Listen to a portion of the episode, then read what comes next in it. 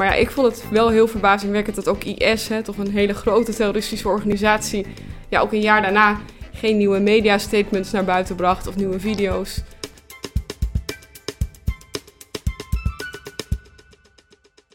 De afgelopen jaren werd Europa regelmatig opgeschrikt door aanslagen. Maar de inhoudelijke boodschap van de terroristen blijft volgens Janine de Roy van Zuiderwijn nauwelijks hangen. In deze aflevering van Enkeltje Wetenschap vertelt ze hoe dat zit. Hallo Janine, welkom. Ja, dankjewel. En uh, leuk dat je in de studio bent. We gaan het uh, vandaag hebben over jouw uh, proefschrift dat je recent hebt afgerond. En dat gaat over de nasleep van terroristische aanslagen. En toen ik me voorbereidde op dit gesprek, bedacht ik me. Eigenlijk is het volgens mij relatief lang geleden dat we een grote aanslag hebben gehad in West-Europa. Klopt dat? Ja, het ligt natuurlijk aan hoe je het definieert. Maar inderdaad, we hebben rond nou, 2015, 16, uh, 17 ook toen nog een paar hele grote aanslagen in Europa gezien. Met name in Frankrijk, hè, waar meer dan 100 doden vielen. Ja, en dat hebben we gelukkig de afgelopen jaren toch wel een stuk minder gezien hier. Uh, dus dat is wel goed nieuws. Ja, en heb je enig idee hoe dat komt dat we ons nu in een relatief rustige periode bevinden? Ja, er zijn verschillende verklaringen uh, waar je aan kunt denken. Het belangrijkste misschien is natuurlijk ook wel de val van IS. Hè? Dus het feit dat IS in Syrië en Irak dat kalifaat gesticht had. En vanuit daar toch ook veel grootschalige plots en aanslagen organiseerde. Ja, die slagkracht zijn ze eigenlijk kwijtgeraakt om vanuit die landen zelf echt grote plots te organiseren. Uh, tegelijkertijd zag je ook in West-Europa dat inlichtingendiensten, veiligheidsdiensten, politie steeds bewuster werden van, nou ja, er is een dreiging vanuit dat soort groeperingen. Dus ook hier is er meer in, ge in geïnvesteerd eigenlijk. Dus dat is denk ik een deel van de verklaring dat die grote plots daardoor ja, veel minder um, vaak lukte. Maar daardoor zag je tegelijkertijd ook een beweging naar meer kleinschalige aanslagen. Dus eigenlijk door het succes van het counterterrorismebeleid hier zien we eigenlijk een verschuiving naar meer die plots door die eenlingen. Nou, en jij zelf hebt je met name geconcentreerd op die, die eerdere grotere aanslagen. Want je bent natuurlijk ook al een tijdje geleden met je onderzoek begonnen. Ik heb ze hier even op een rijtje gezet. De aanslagen in Brussel in 2016, uh, Nice in datzelfde jaar, Berlijn in hetzelfde jaar en Manchester in 2017. En dat waren grote aanslagen natuurlijk, onder andere op een concert van Ariana Grande, de, de zangeres. En uh, daarnaast ook bijvoorbeeld op de luchthaven in Brussel. En uh, ja, wat wilde je precies van deze aanslagen weten? Ja, ik zit nu, nou, ik werk al een aantal jaren in het terrorisme-onderzoeksveld. En één ding wat me eigenlijk door de jaren heen steeds meer begon op te vallen, is dat we als onderzoekers nou heel veel aandacht besteden aan die, aan die terroristen zelf. Hè, van wie zijn dat nou? Waarom doen ze wat ze doen? Maar eigenlijk weinig wat er daarna gebeurt. En dat vond ik heel gek, omdat er ook al sinds de jaren 70 in het veld door bekende terrorismeonderzoekers zoals Brian Jenkins uh, uitspraken zijn gedaan. Zoals terroristen willen eigenlijk niet heel veel mensen doden. Ze willen vooral een heel groot publiek. Hè, of terrorisme is theater, wat ook Beatrice de Graaf hier in Nederland uh, zegt, ook een boek over heeft geschreven. Dus als terrorisme er niet zozeer om die aanslag zelf gaat, maar meer om, de reactie uh, van het publiek, van ons erop, vond ik het eigenlijk heel opvallend dat als ik de literatuur las en naar conferenties ging, dat ik eigenlijk ja, voor 90% onderzoek naar die terroristen zag. En heel weinig eigenlijk wat er dus daarna gebeurde. Dus wat ik eigenlijk wilde bekijken met dat onderzoek is... wat zien we nou na grote aanslagen... en hoe zien we nou dat burgers en autoriteiten... of eigenlijk de samenleving in brede zin daarop reageert? Ja, en als je dan zegt terrorisme is theater... wat wordt daar dan, wat, wat wordt daar dan mee bedoeld? Ja, dat is een goede vraag. Dat klinkt misschien ergens wel een beetje gek, hè, van om met zoiets te vergelijken. Maar wat daar vaak mee bedoeld wordt, is dat er toch heel erg over de symboliek ook wordt nagedacht. Het is eigenlijk een soort zeer gewelddadig optreden. Terroristen denken vaak na over de plek waarop ze zo'n aanslag plegen. Uh, de slachtoffers staan vaak symbool voor iets. Denk bijvoorbeeld nou, aan 9-11, de bekendste en meest dodelijke aanslag tot nu toe. Het ging die terroristen niet zozeer om die mensen in de, specifiek in die gebouwen van het World Trade Center of die andere plekken. Maar ze stonden symbool en die torens stonden symbool voor het decadente Amerika. Uh, dat letterlijk ten val gebracht moest worden. Dus je ziet dat ze echt nadenken, terroristen, van ja, hoe zetten we het in scène, letterlijk? Uh, wie zijn de dader, of wie zijn de slachtoffers, welke locatie, op welke manier doen we dat? En dat het dus veel meer draait dan om alleen om die feiten van die aanslag, maar veel meer het bredere ja, uh, optreden als het ware. En het opvallende aan jouw proefschrift is dat jij concludeert dat, dat dat terrorisme en dat dat theater eigenlijk helemaal niet zo'n handige communicatiestrategie is. Ja, ik vond dat zelf ook wel verbazingwekkend eigenlijk. Want ik was heel erg gestart vanuit dat idee hè, van dat theater. En nou, terroristen slagen er misschien niet in hun politieke doelen te bereiken. Dat, dat weten we eigenlijk al jaren. Maar we denken wel, nou, ze zijn wel in staat die aandacht te creëren en uh, ja, voor hun doelen en hun boodschap. En ik heb dus ook gekeken specifiek een jaar later. Dus ik heb het eerste jaar naar een aanslag onderzocht. En ook gekeken een jaar later hoeveel aandacht is er nou echt voor die boodschap van de terroristen. En een van de dingen die ik dus tegenkwam, onder andere ook in die herdenking een jaar later, was dat er heel weinig aandacht echt nog voor de terroristen zelf was. Dus de namen van de daders werden amper genoemd. Maar al helemaal geen aandacht voor hun boodschap. Hè? Waarom hebben ze die, die aanslagen überhaupt gepleegd? Probeer nu maar eens terug te denken. Ja, je zei het net al, hè, wat, wat was vorig jaar de grootste aanslag in, in West-Europa? Of wie waren de, de daders van de aanslagen in, uh, nou, bijvoorbeeld in Brussel? Weten we de namen nog? Nee, eigenlijk weten we dat bijna niet meer. Dus je ziet dat er op korte termijn of direct na een aanslag natuurlijk wel heel veel aandacht is. Ze staan op de voorpagina's enzovoort. Iedereen weet het. Maar echte aandacht voor een boodschap. En zeker als je iets langer kijkt en bijvoorbeeld een jaar later, ja, dan is er nog maar heel weinig van over.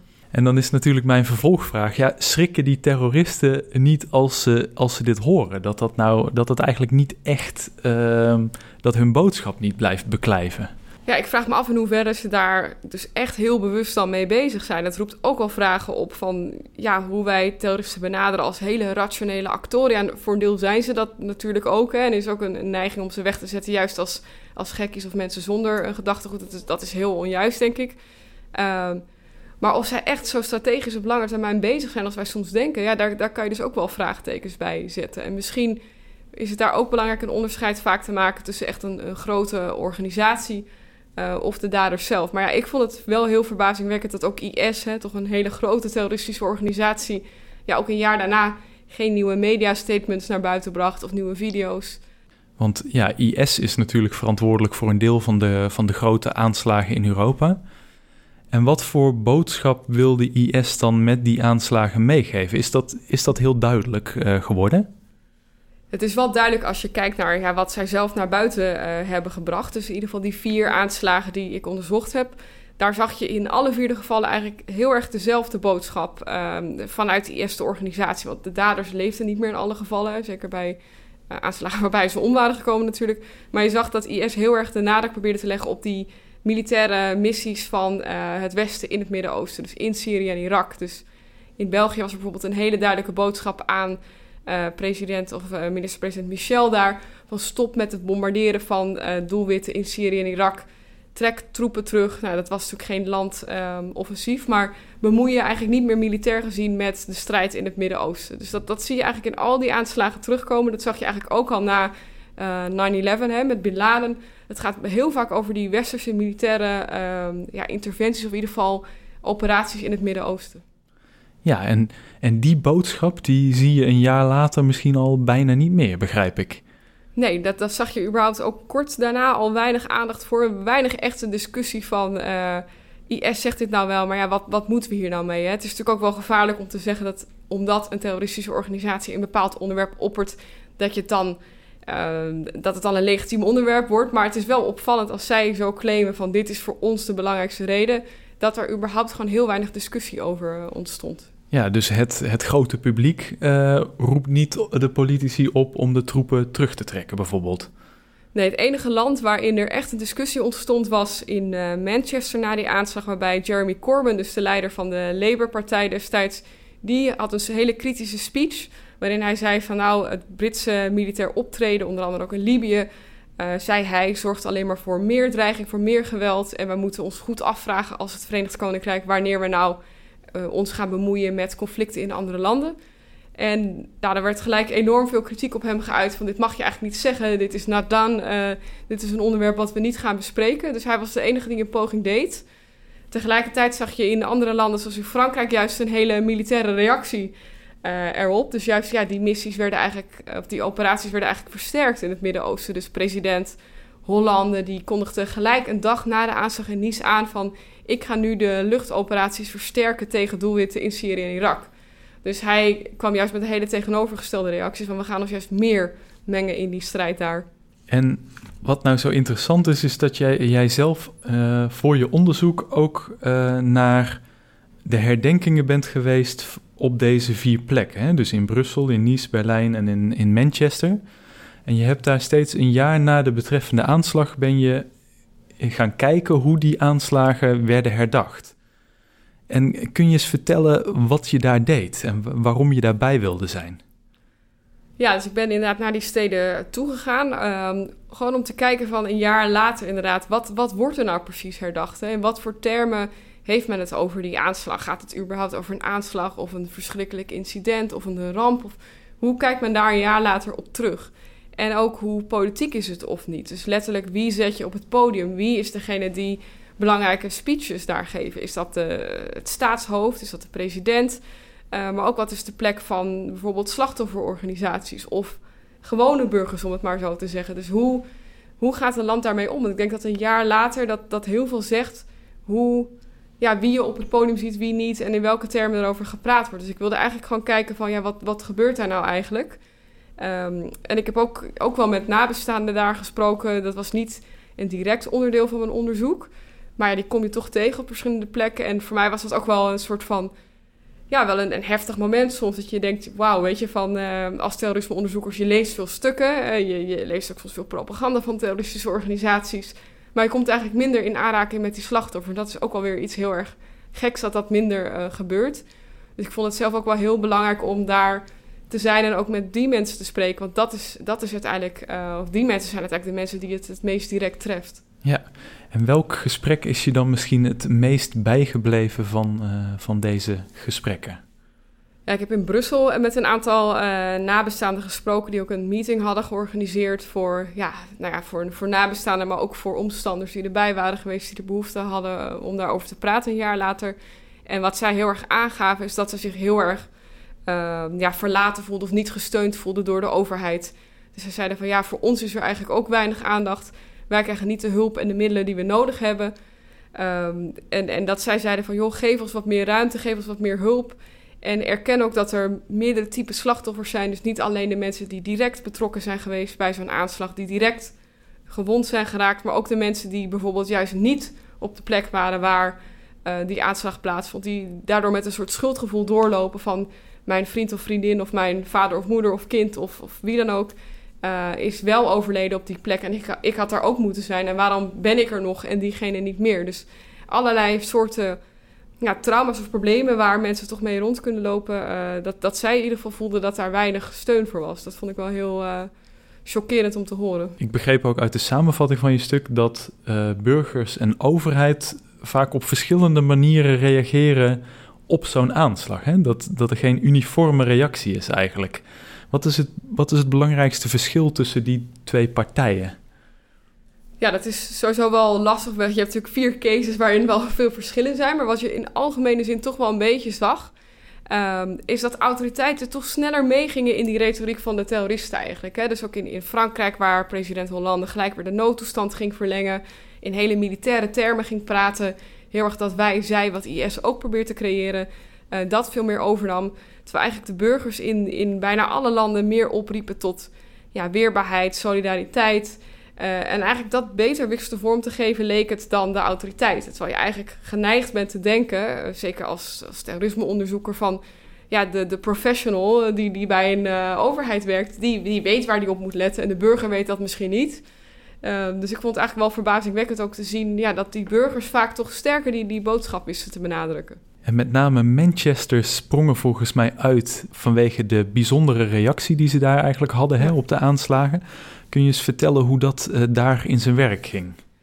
Ja, Manchester is een stad ook met een um, verleden van terrorisme. Ook een grote aanslag door de IRA, de Irish Republican Army, in de jaren negentig daar uh, gehad. Een oude industriestad, dus ook met veel armoede, veel problematiek. Maar wat die stad, of wat de inwoners samen met de autoriteiten daar heel goed doen, is ook juist ja, de, de kracht van de mensen benadrukken. De veerkracht, de weerbaarheid. Uh, en wat je dus na die aanslag in 2017 gelijk zag, is dat men zei van... Nou, wij zijn helaas al wat gewend in Manchester. Wij weten hoe we hiermee moeten omgaan. En wij gaan hier juist laten zien hoe sterk en verbonden wij zijn. Uh, en wat de positieve kanten van de stad zijn. Dus je zag dat daar ook heel erg de, bijvoorbeeld de lokale culturele en, en de muziekiconen op het podium kwamen. Het is ook een stad met veel bands in Engeland, wordt een muziekstad genoemd. Dus zij probeerde echt te benadrukken van wat verbindt ons nou. En ehm, het werd bijna een soort festival een jaar later, die, die herdenking. Het was ook wel een hele aparte gewaarwording juist weer. Maar waarbij allemaal bands kwamen optreden en er was een sing-along met duizenden mensen. Uh, maar juist om te laten zien van dit is wat ons verbindt en we laten ons niet gek maken. Hè. Dat hele Engelse van keep calm and carry on of we are not afraid, dat, dat wisten ze daar echt heel erg te belichamen. En daar stond jij tussen. Ja, dat was ook wel, ja. Als, wel als iemand die niet uit Manchester komt. Ja. Was dat, was dat gek? Voelde je je misschien ergens ook een beetje een, een indringer in, het, uh, in dat feestje van Manchester, zeg maar? Ja, dat, dat voel je toch wel altijd uh, als onderzoeker. Dat blijft denk ik altijd wel een beetje houden. Van je bent daar toch ja, om ook te kijken, om dingen op te schrijven. Uh, en dat, dat is toch is altijd een beetje gek, ja.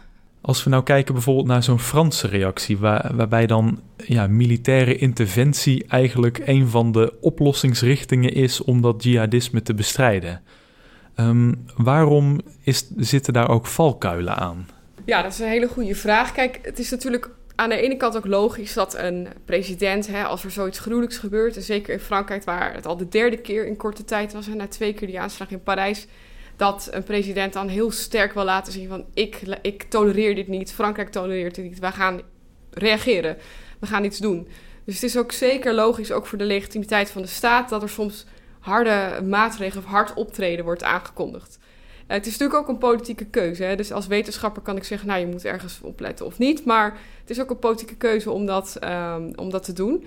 Maar wat wel de valkuil is bij dit soort uitspraken of het uitroepen van een noodtoestand, is dat je eigenlijk heel erg meegaat in dat frame van die terroristen. Dat er dus een enorme strijd gaande is tussen twee verschillende partijen. Um, waarmee je ook die, die partij soms op een hoger voetstuk plaatst, als het ware. En die ook legitimiteit verleent als de grote tegenstander van Frankrijk op dat moment. Ja, ja, dus, dus doordat een terroristische club misschien maar uit, laten we zeggen, 10, 20, 50 mensen bestaat. En je zet er zo'n grote maatregel tegenover als bijvoorbeeld een noodtoestand. Zeg je daarmee eigenlijk dat de vijand ook heel groot is? Ja, de vijand is eigenlijk in staat jouw dagelijks leven grotendeels plat te leggen. Hè? Of in Frankrijk dan met die noodtoestand of grenzen die dichtgaan. Het heeft enorme gevolgen voor het functioneren van je, van je democratische rechtsstaat. In sommige landen wordt ook het, uh, werd het parlement tijdelijk gesloten. Dus dan, dan laat je wel echt zien van ja, jullie zijn in staat als terroristen om onze samenleving uh, stil te leggen. En nogmaals, er kan misschien een hele goede reden voor zijn om dat te doen, maar je moet je wel bewust van zijn dat dat een maatregel is met enorme impact. En uh, stel dat er op een gegeven moment toch in Nederland, ondanks de rust die we nu uh, hebben, zeg maar, een grote aanslag plaatsvindt. Uh, wat is dan de belangrijkste les die onze overheid en misschien ook de Nederlandse burger moet, moet trekken uit jouw onderzoek? Ja, dus ik heb naar het bredere proces van ja, betekenisgeving gekeken. Dus wat, nou, wat doe je na een aanslag? Hoe probeer je dat in een kader te plaatsen?